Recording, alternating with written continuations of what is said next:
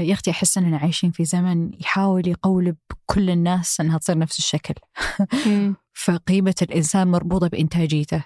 إذا أنت ما أنت منتج غالبا ما لك قيمة في المجتمع. الواقع الحالي. أي مجتمع اليوم. وإنما ترى الكفاءة والمنفعة والإنتاجية هي مبدأ وجود الحيوان.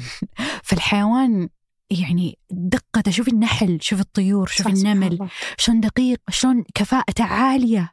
يقوم الصباح يعرف من أي أي وردة يصير فيها الرحيق أفضل مم.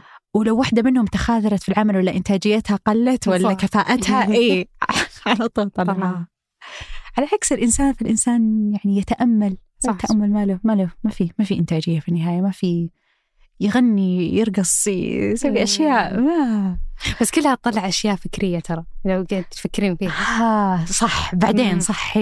بس شفتي يدرس بعدين. بس هذه بس إنها في الثقافة ما تساهم في الحضارة. اي ما تبني شيء. ما ت... إيه. تبني فكر بس ما يمكن ما تبني عمارة أرض. بالضبط. مم. إيه إيه. ومين يقدر هذه الحين؟ ما تدرين والله يمكن قبل؟ ما أدري والله. في تقدير أكثر من الحين على ذا الموضوع. أحس إننا قاعدين نتغير يعني. خلاص بدينا بدات الكفاءات تصير عالية وبدأت الأشياء يعني. ما أدري.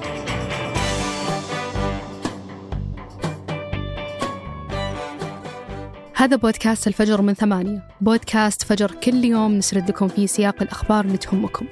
معكم أنا رولا عبد الرحمن وأنا ديما العامر.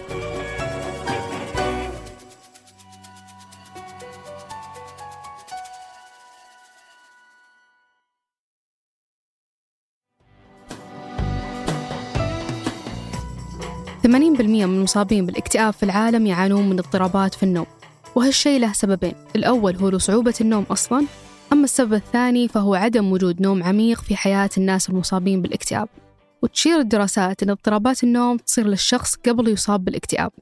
لكن دراسة حديثة نشرت هذا الأسبوع أكدت أن النوم أقل من خمس ساعات في الليلة ممكن يزيد من خطر الإصابة بأعراض الاكتئاب. وأشارت الدراسة اللي نشرتها صحيفة الجارديان أن العلاقة بين قلة النوم واعتلال الصحة العقلية كبير جدا. والحين لقوا العلماء دليل على أن النوم القصير المستمر في الليل ممكن يكون مقدمة لتطور أعراض الاكتئاب. واستندوا في النتيجة على تحليل ردات فعل أكثر من 7000 شخص مشاركين في الدراسة. وأشارت نتائجها أن النوم السيء ممكن يتسبب في أعراض الاكتئاب. وعموما يحتاج معظم البالغين مقدار محدد من النوم حتى تكون صحتهم أفضل. وتتراوح عدد ساعات النوم الصحي من سبعة إلى ثمان ساعات كل ليلة. ولكن لأسباب مختلفة ينوم الكثير من الأشخاص حول العالم ساعات أقل من المطلوب. من بينها تغيير في الروتين أو الجدول اليومي أو حدوث شيء في الحياة مثل ولادة طفل جديد وممكن الأشخاص الكبار في السن أنهم يعانون من صعوبة في النوم بسبب الأدوية اللي يتناولونها أو المشكلات الصحية اللي يعانون منها. وعموما في عدة أمراض ممكن تسبب قلة النوم مثل السرطان والسكتة الدماغية والزهايمر. وبحسب الخبراء قلة النوم يصعب تعويضها. فممكن تأخر النوم في ليلة واحدة يسبب اضطرابات عصبية ونفسية خاصة إذا كان الشخص يشتغل في اليوم اللي بعده. وممكن مواجهة هذا التحدي من خلال النوم في أوقات القيلولة من 20 إلى 30 دقيقة ويساعد التعرض للضوء أثناء النهار في تحسين أداء الجسم. وهذا غير أن ممارسة الرياضة في أوقات محددة ممكن يحسن من كفاءة النوم. وصارت مشكلة قلة النوم ضمن مشاكل العصر الحديث. وهي مشكلة شائعة في الدول المتقدمة واللي يعاني فيها الأفراد من ضغوط العمل أكثر من أي مجتمعات ثانية. برضو انتشار الهواتف الذكية ساهم بشكل سلبي على جودة النوم فبحسب الأطباء ساهم معدل التعرض لأضواء الشاشات بشكل سلبي على إفراز هرمون الميلاتونين المسؤول عن النوم. واليوم يعاني الكثير من الأفراد في الدول الغربية وأمريكا من أمراض خطيرة وهالشيء مرتبط بانخفاض مدة النوم. فسبعة من 15 سبب رئيسي للوفاة في أمريكا صارت مرتبطة بقلة النوم. من بينها أمراض القلب والأوعية الدموية والأورام الخبيثة وبرضو الأمراض الدماغية والسكري وارتفاع ضغط الدم وتسمم الدم. وبحسب بيانات لمنتدى الاقتصاد العالمي فأكثر من 62% من البالغين في كل أنحاء العالم يعانون من نقص في النوم. وهالشيء يلعب دور مباشر في أكثر من 100 ألف حادث سير كل سنة واللي ينتج عنه أكثر من 1500 حالة وفاة. وبرضو ربطوا نقص النوم بعدد من الكوارث الثانية. مثل حوادث الطائرات والقوارب وحتى انهيار المفاعلات النووية.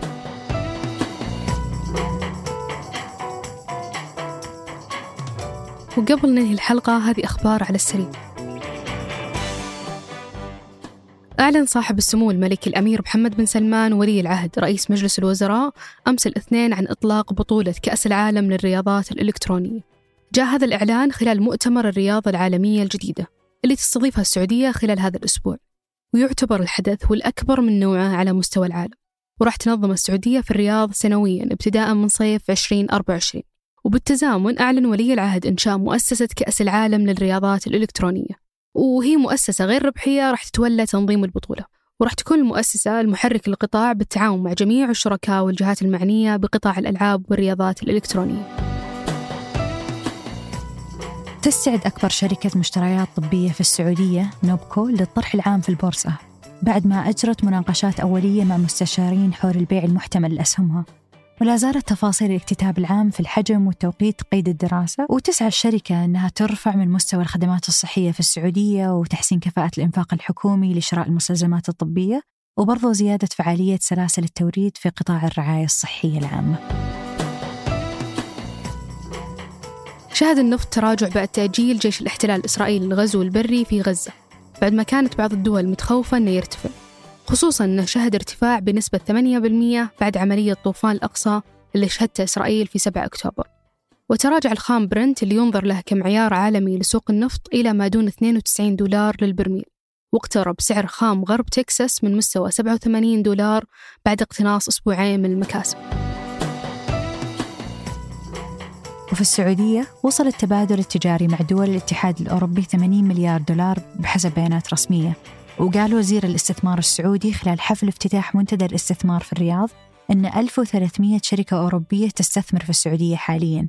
وذكر أن أداء الاستثمار الأجنبي المباشر من الاتحاد الأوروبي في السعودية شهد نمو قوي في 2022 آه، مقارنة بالعام قبل الماضي.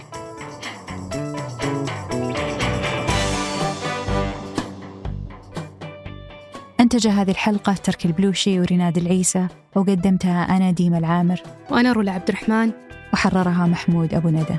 نشوفكم بكرة الفجر.